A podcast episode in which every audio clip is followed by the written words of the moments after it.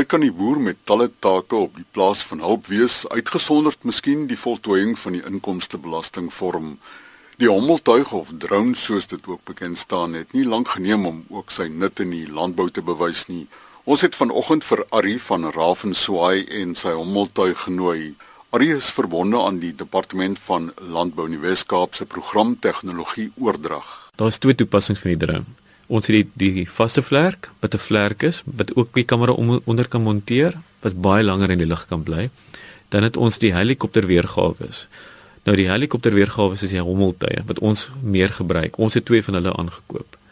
Die hommeltuie gebruik ons om oor areas te vlieg, maar ons kan bo dit stil gaan staan ook. Die toepassings is baie meer is baie wyeer vir ons as gevolg daarvan. Nou jy kry verskillende weergawe. Jy kry 'n tricopter wat drie propellers op het, drie armpies. Dan kry jy die quadcopter wat nou vier propellers op het. Dis nou hierdie. Dis nou die enetjie wat ons het in die ateljee. Dan kry jy die die octacopter wat agt is, jy kry 'n hexa. Nou as jy nou gaan vir die quadcopter en een van jou motortjies moet gaan, is meer van 'n gevaar as gevolg van sy die stabiliteit. Die die groter drone sal eerder 'n hexa of 'n quadcopter wees om meer stabiel te bly dalk. Nou jy kry baie variasie in groottes van hulle ook. Jy kry hierdie enetjie wat so klein is soos hierdie Mavic wat ons het. Hy kan opvou en hy kan in jou sak pas, letterlik van jou baadjie. Maar dan sal drones wat baie groter kan raak. Die militêre drones wat byvoorbeeld is, is ook 'n voorbeeld van hoe 'n drone kan wees. Is groot soos vliegtye raak. Die hommeltuig wat ons het, het sensors wat kan optel. So hy kan die afstand van die grond af presies meet Hy het sensors wat dit optel. Hy het sensors rondom hom wat ook maak dat hy nie in die muur kan vasvlieg of in bosse of in bome of veral mense as hy ons vlieg nie naby mense nie, maar dis 'n veiligheids toepassing wat in hom ingebou is. Dan het hy ook 'n baie hoë resolusie kamera in. Die groter drum wat ons mee vlieg is die Phantom 4 Pro. Het 'n baie beter gehalte kamera op en ons is agter die kwaliteit van die kamera aan. Dis die hoofrede hoekom ons hom aangekoop het. Die Mavic het ook albei van hulle het 4K kwaliteit video beeldmateriaal wat natuurlik ook af kan gaan na Full HD um 2K. Maar ons verkies om hoë kwaliteit beeldmateriaal en fotos te neem want ons ontwikkel vir die nuwe ontwikkeling binne navorsing. Dis nou baie interessant. Elsenburg beskik jy het sopas gesê oor twee van die hommeltuie. Nou die departement het dit seker sekerlik nie aangekoop om te kyk hoe vinnig beweeg die karre tussen Lynsburg en Beaufort op die N1 nie. Een van die redes hoekom hulle aankoop is om nog meer areas te bestudeer en kyk vir navorsing waar die toepassings is. Die toepassings soos oor die volgende paar weke gaan uitvind, gaan nogals baie verder gaan as wat mense gedink het dit kan gaan. Die eerste toepassing wat ons nou vir gebruik het, was sover om kaarte op te trek waar met die satellietbeelde wat ons op die oomblik gebruik kan ons tussen 1 en 2 meter resolusie per piksel. Waar met 'n drone kan ons oorvlieg en ons kan ongelooflike kwaliteit raak sien. Ons sien 1 cm per piksel op die oomblik wat 'n groot verskil maak nou as jy data begin kyk van die van die kaarte wat jy optrek. So die kaarte wat ons van die van ons navorsingsplase optrek is ongelooflik in detail maar bygesê is ongelooflike groot data wat ons nou aftrek. Een veld wat ons afneem byvoorbeeld is gelykstaande aan 200 fotos. Dit is 2 gig se data en dan praat ons van 'n resolusie van 1.9 cm per piksel. Dit is 'n ongelooflike groot dataverwerkingsstelsel wat ons nou moet deurgaan, maar die toepassings daarvan in die toekoms is ongelooflik. Ons kan nou 'n uh, veld afneem oor en oor en oor die jaar kan ons kyk hoe die plante groei beïnvloed is. Wat toepassings is, is daar grondverandering in die grond. Ons het oor ons het in Riversdal gevlieg waar ons merke in die grond oplet waar die brande was. So ons kon uh, brandvlekke sien in die grond van die lug wat ons nie voorheen nie te voet kon raak sien nie. As ons nou plant en daar kom 'n verskil in die plante groei op, gaan ons weet want ons kan teruggaan na na die verskillende kaarte wat ons opgetrek het en ons kan kyk hoe dit op sekere dele hoe die grondverskil was en ons kan kyk hoe die navorsing toepassings daar was ook wat ons kan toepas ook vir die chemikalieë wat toegepas is op die plante. Daar's sensors wat op bygevoeg kan word. Drones het nou gemaklik op kameras, meeste van hulle kom met kameras nou uit. Dis nou 'n RGB kamera. Om verder te gaan, kan 'n mens nou begin om 'n kamera op te plaas wat 'n NDVI kamera genoem word wat infrarooi lig optel. En die toepassing van of die vergelyking tussen infrarooi en die RGB kamera optel en nou kan ons kyk of 'n plant gesond is. As daar 'n rooi vlek is op die op die kaart wys dit vir ons of dit dood is liggeel of groen. Daar's daar's 'n variasie, 'n kleurkaart wat hy uitdruk. Volgens hierdie kaart kan ons sien of die plant gesond is of nie. So die helder groen byvoorbeeld op die kaart sal vir ons wys waar die plant optimaal gesond is. Waar 'n uh, 'n dowwe geel-groen wys 'n 'n sekere grade van gesondheid volgens die kamera. Volgens daai toepassing kan ons sien in die land presies wat se blaar selfs siek is en wat is nie siek nie of wat wat kort meer aandag. Waarom moet besproei word? En dit is weer 'n toepassing wat geldbesparend is want ons kan nou besproei op areas of sekere areas wat nie meer nodig is nie waar daar geldbesparing weer toegepas is ook. Die verlede moes hulle blaar vir blaar inloop, gaan toets die blaartjie, gaan kyk wat daar fout is. Waar nou vlieg ons letterlik oor en ons kan van die lug af sien met die oog af of daar fout is net deur 'n kamera oor te vlieg. Are in die praktiese toepassing in die veebedryf? Dis waar ek trots is op ons boere in Lensburg. Lensburg se boere, ek was by hulle gewees en hulle het al klaar die toepassing daarso waar hulle die drones gebruik om na hulle vee te kyk vir en jakkalse byvoorbeeld wat die wat die diere aanval. Hulle kan van die lug af die diere al bestudeer en kyk of die diere daar is. Hulle kan waterpunte besoek.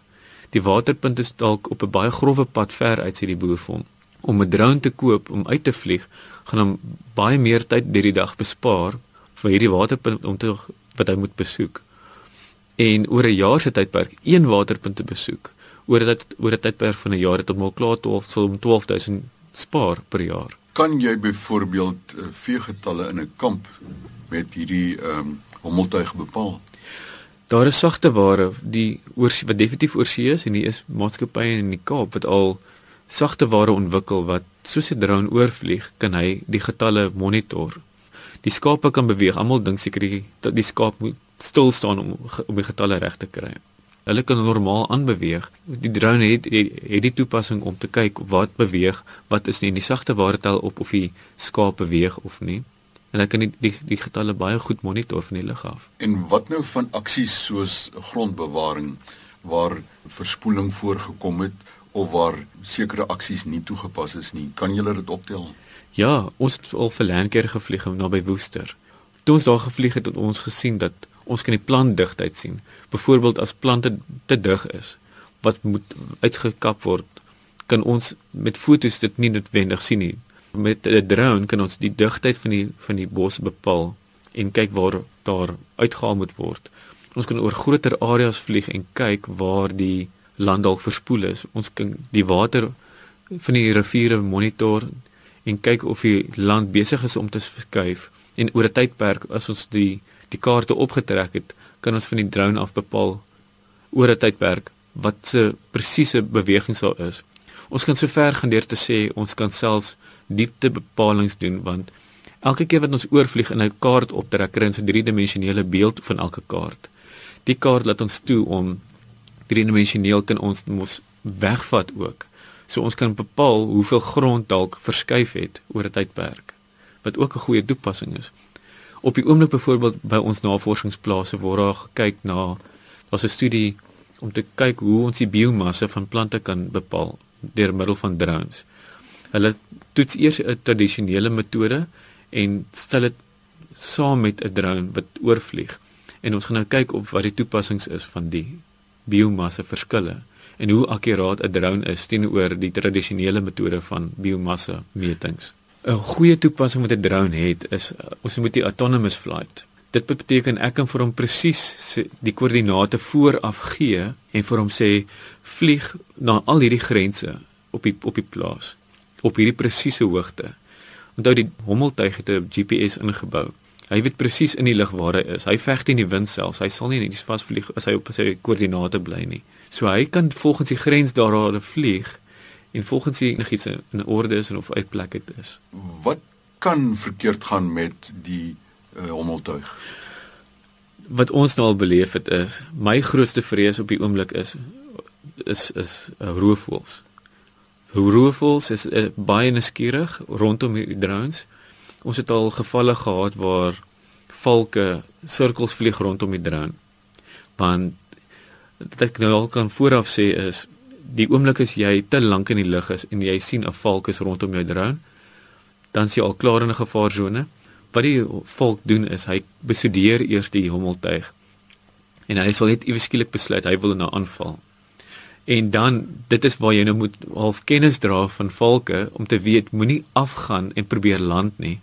'n Valk val aan van bo af jy as die drone uh, vlieënier moet opskiet so vinnig as moontlik 'n roete terugvlieg en dan afkom. 'n Valk wil van bo af aanval. Dis een van my grootste vrese en selfs mossies. Ons het al die kleiner drone gevlieg en die mossies is liefde vir hom om die drone te vlieg. En as die drone in die lug aangeval word, dan val hy die lug uit. Daar's met dan dis my toerusting wat uit die lug uitval. Ander gevare is natuurlik vliegtye. Mense moet asseblief bewus wees van die regulasie en binne die regulasies vlieg en net seker maak dat hier waar hulle vlieg is binne regulasie en nie om ander enige ander mense in gevaar te stel nie. Daar kan baie groot fout daarmee gaan. Ander fout wat ook kan gebeur is wat mense nie altyd weet nie is drones moenie op stof opstyg nie. Stof um, gaan lê binne sy motors en soos die mo die motors is baie na aan mekaar gebou en die stof weer die motor binnekant af. Wat beteken as daai motor wear and tear baie vinniger uit in die lug as gevolg van die stof wat binne sy mo die motor in in in faseer en hy kan binne die lug vlieg en besluit om te stop en dan val hy die lug uit. So as jy opstyg om van 'n skoon oppervlak op te styg en seker te maak jou jou drone is altyd skoon in plek. Ari van Ravenswaai van die program Tegnologie Oordrag op Elsenburg Hy sal graag verneem van suksesse en probleme wat boere ondervind wat reeds van hommeltuie gebruik maak. Arie se e-posadres a r i e v r by elsenburg.com. Die program kan ook afgelaai word van die webtuiste www.elsenburg.com. Tot 'n volgende keer, beste wense.